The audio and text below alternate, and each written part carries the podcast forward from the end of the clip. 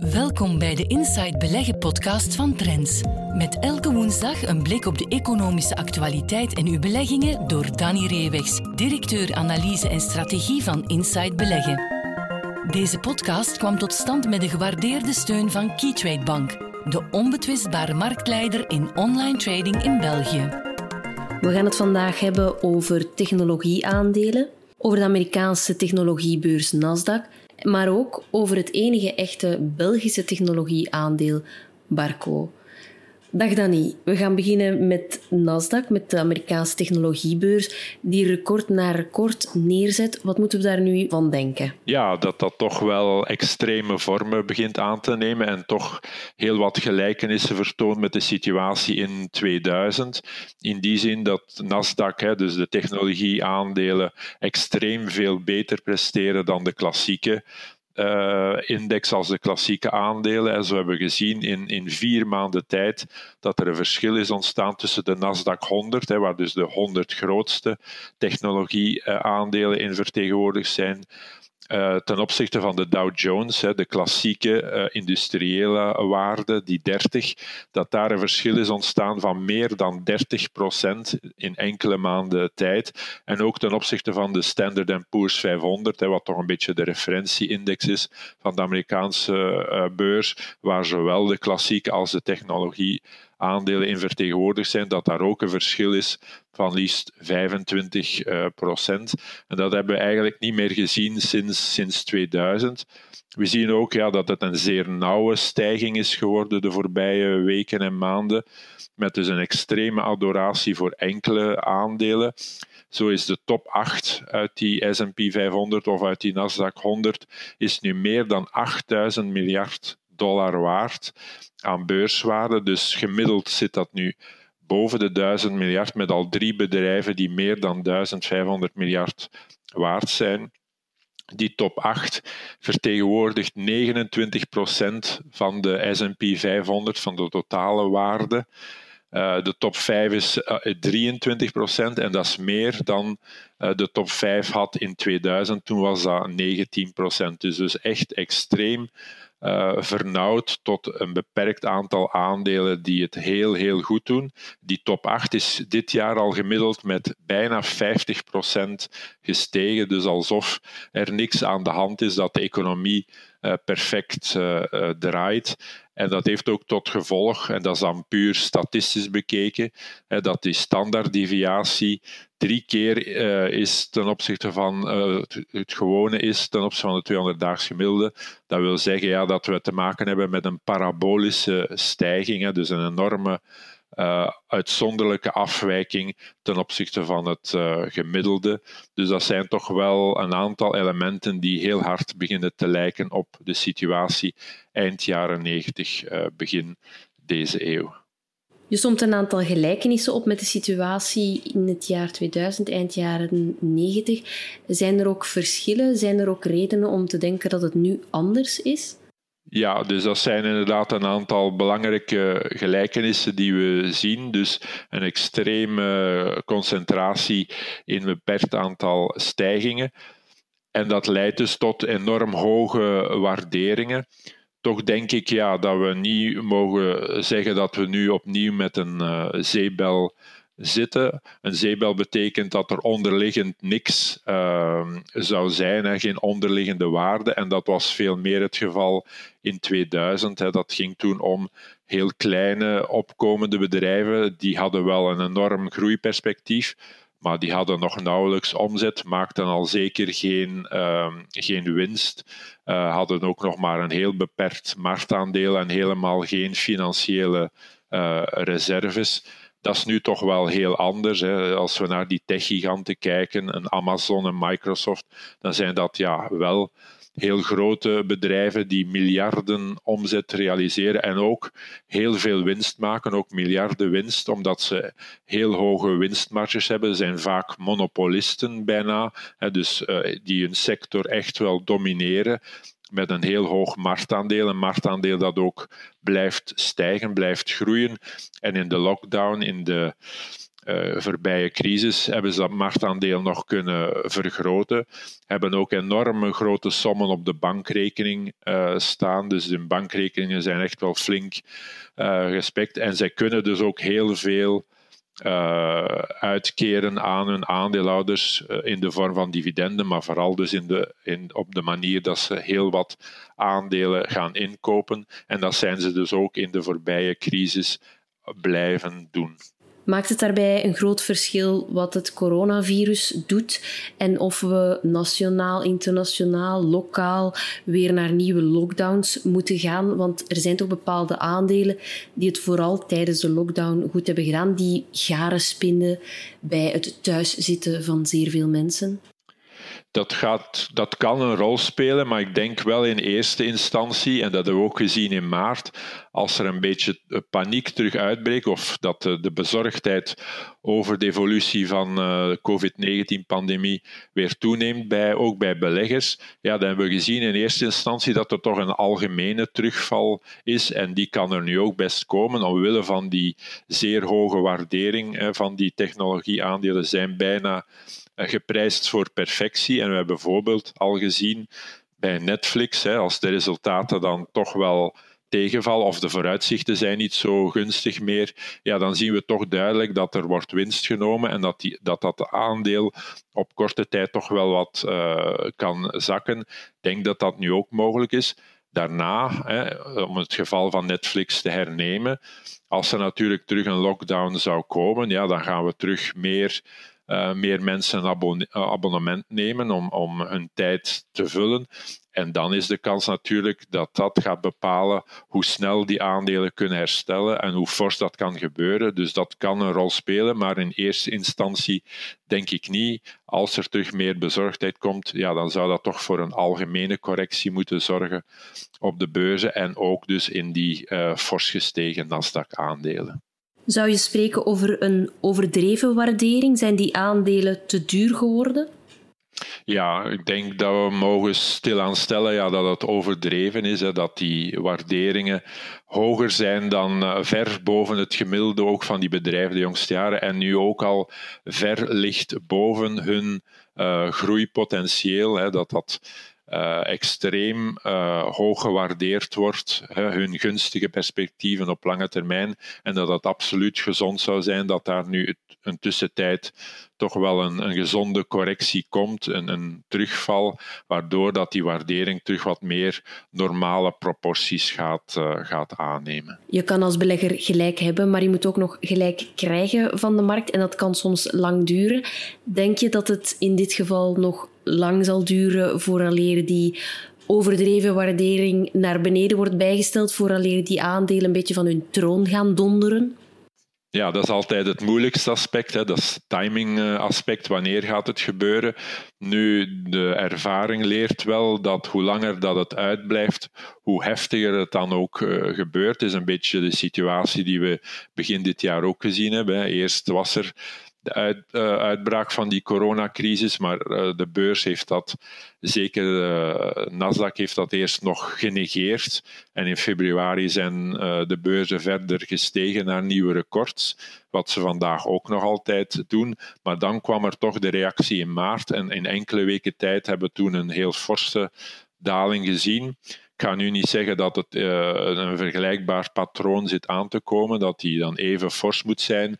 Maar uh, als het nog enige tijd duurt en de waarderingen nog verder gaan oplopen, ja, dan kan het wel eens een, een heftige daling zijn in, in korte tijd. Maar ik vermoed toch niet dat die nog heel lang gaat, uh, gaat uitblijven. Maar sowieso, ja, dat blijft het moeilijkste aspect om uh, te voorspellen. Een overwaardering kan enige tijd aanhouden, maar op een gegeven moment moet het zich corrigeren. En we zijn nu dusdanig afgeweken van het gemiddelde dat het waarschijnlijk niet meer zo lang gaat duren. We gaan even over naar Geert van Herk, Chief Economist bij Keytrade Bank, met zijn analyse op de economische actualiteit. Vandaag gaan we in onze korte commentaar wat dieper in op enkele interessante feiten van de S&P 500-index. Zoals u al weet is het gewicht van de technologiesector sterk toegenomen in deze index. Vandaag vertegenwoordigt deze index meer dan 22% van de Amerikaanse S&P 500-index. De vijf grootste aandelen uit de S&P 500 zijn Microsoft, Apple, Amazon, Facebook en Alphabet. Alphabet is de nieuwe naam voor Google. En deze aandelen zijn dit jaar al met meer dan 30% gestegen. Als we naar de koersprestatie van de overige 495 aandelen uit S&P 500 kijken, zien we een heel ander beeld. Deze 495 aandelen zijn gemiddeld met 5% gedaald. Er is dus een enorme divergentie tussen enerzijds de technologische toppers en anderzijds de rest van de markt. Dit hoeft niet negatief te zijn. Deze 495 aandelen kunnen de komende maanden bij een verder herstel van de economische groei een inhaalbeweging inzetten en hun achterstand op de technologische toppers goedmaken. Maar deze divergentie illustreert ook hoe moeilijk stockpicking kan zijn. Stel dat je als belegger wat hoogtevrees had bij de waarderingen uit de technologiesector en deze aandelen gemeden had. Je portefeuille zal dan ook minder sterk gepresteerd hebben dan de S&P 500-index. Naar onze mening is het ook een pluspunt voor beleggers in trekkers. Want door een passief fonds of een trekker te kiezen, profiteer je mee van de prestaties van de grootste aandelen uit de index die je volgt. In dit geval dus de S&P 500. En hoef je je niet uit te putten in het selecteren van de juiste aandelen. Je surft gewoon mee op de trend van de grootste aandelen uit de index. Welkom terug in het tweede deel van de Inside Beleggen podcast. En dan moeten we het toch echt even hebben over het Belgische technologieaandeel Barco dat er niet in slaagt om mee te surfen op die golf, op die hoze van die Amerikaanse technologieaandelen. Nee, de jongste weken is het zeker helemaal anders. Hè. De, het Barco-aandeel heeft een kwart of meer dan een kwart van zijn beurswaarde verloren na de aankondiging van uh, de halfjaarresultaten, die toch wel analisten en beleggers hebben, hebben ontgoocheld op verschillende domeinen en we zien daar toch wel een echt wel negatieve reactie. Anderzijds moeten we een beetje relativeren. Barco was natuurlijk ook een van de allerbeste aandelen van het afgelopen uh, beursjaar van 2019. Toen is het aandeel meer dan verdubbeld. Dus de verwachtingen waren ergens uh, hoog gespannen. En Barco heeft die in de eerste jaren niet volledig kunnen inlossen. Barco heeft drie grote afdelingen. De ene afdeling hield al wat beter stand dan de andere afdeling. Vooral de toelevering aan de gezondheidszorg, de medische beeldvorming, die heeft niet te lijden gehad onder de coronacrisis. De toelevering aan de entertainmentsector en aan de bedrijven wat betreft communicatie en presentatietechnologie, dat viel allemaal wat tegen. Maar hoe structureel is dat? Is dat een tijdelijk dipje? Komen ze dat weer te boven? Hoe zie jij dat dan niet? Ja, we moeten daar toch denk ik een onderscheid maken. Uh, entertainment, hè, dat zijn dan die LED-walls, die heel grote schermen die onder andere bij muziekconcerten worden gebruikt of in voetbalstadions. Uh, en, en ook cinema, de digitale cinema zit onder die afdeling. Ja, daar zien we toch een, een grote impact.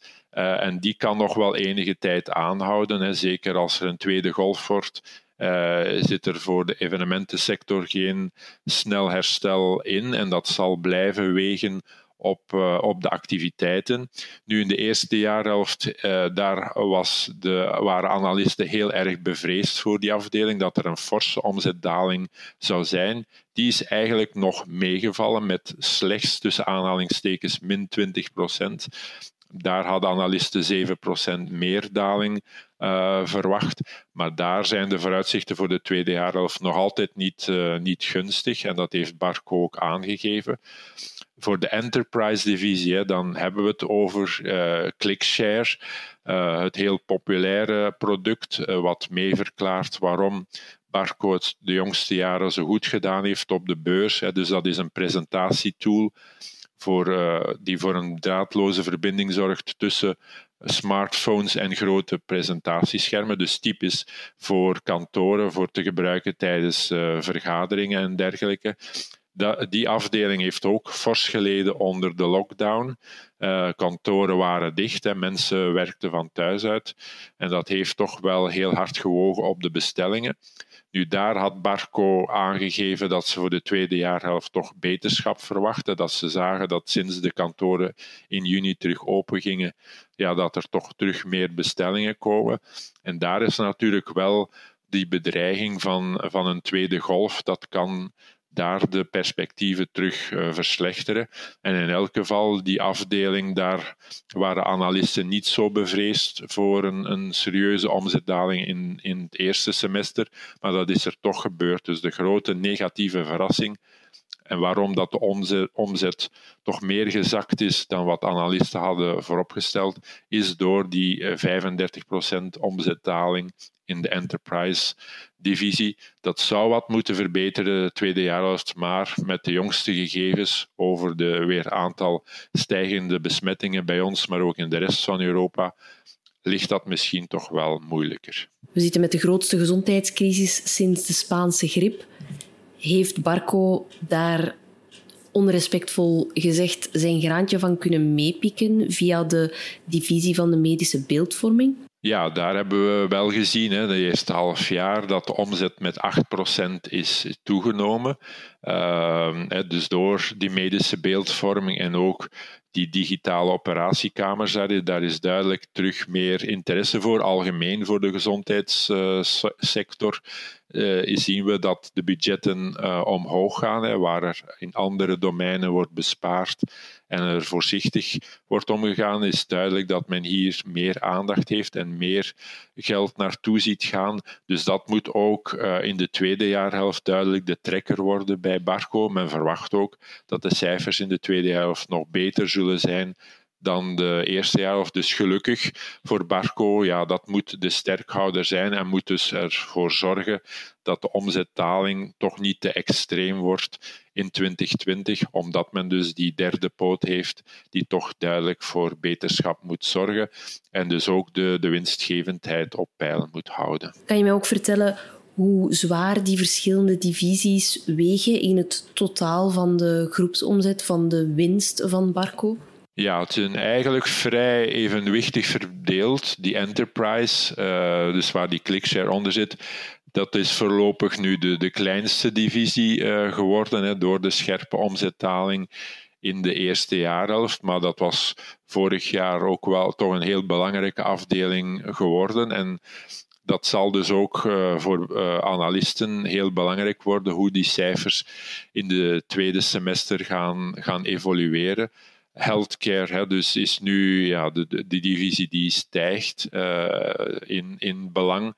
Entertainment is voorlopig nog de grootste, maar dat zal waarschijnlijk in de tweede jaarhelft niet meer, het, mogelijk niet meer het geval zijn. Het zou wel eens kunnen ja, dat healthcare de belangrijkste divisie wordt in termen van, uh, van omzet. En in de eerste jaarhelft was de healthcare al de belangrijkste leverancier voor de bedrijfskaststroom, dus voor de winst. En dat zal in de tweede helft nog, nog meer het geval zijn. Dus de groep is wel vrij evenwichtig uh, verdeeld, of zal het worden, door de crisis die we nu uh, meemaken. Bedankt, Danny, voor het gesprek. We hebben weer veel bijgeleerd en we horen elkaar weer binnen twee weken. Tot de volgende keer. Tot dan. Dag. Tot zover deze aflevering van de Inside Beleggen podcast. Meer tips, advies en analyses voor uw beleggingen leest u morgen in Trends. Volgende week zijn we er opnieuw. Deze podcast kwam tot stand met de gewaardeerde steun van Keytrade Bank, de onbetwistbare marktleider in online trading in België.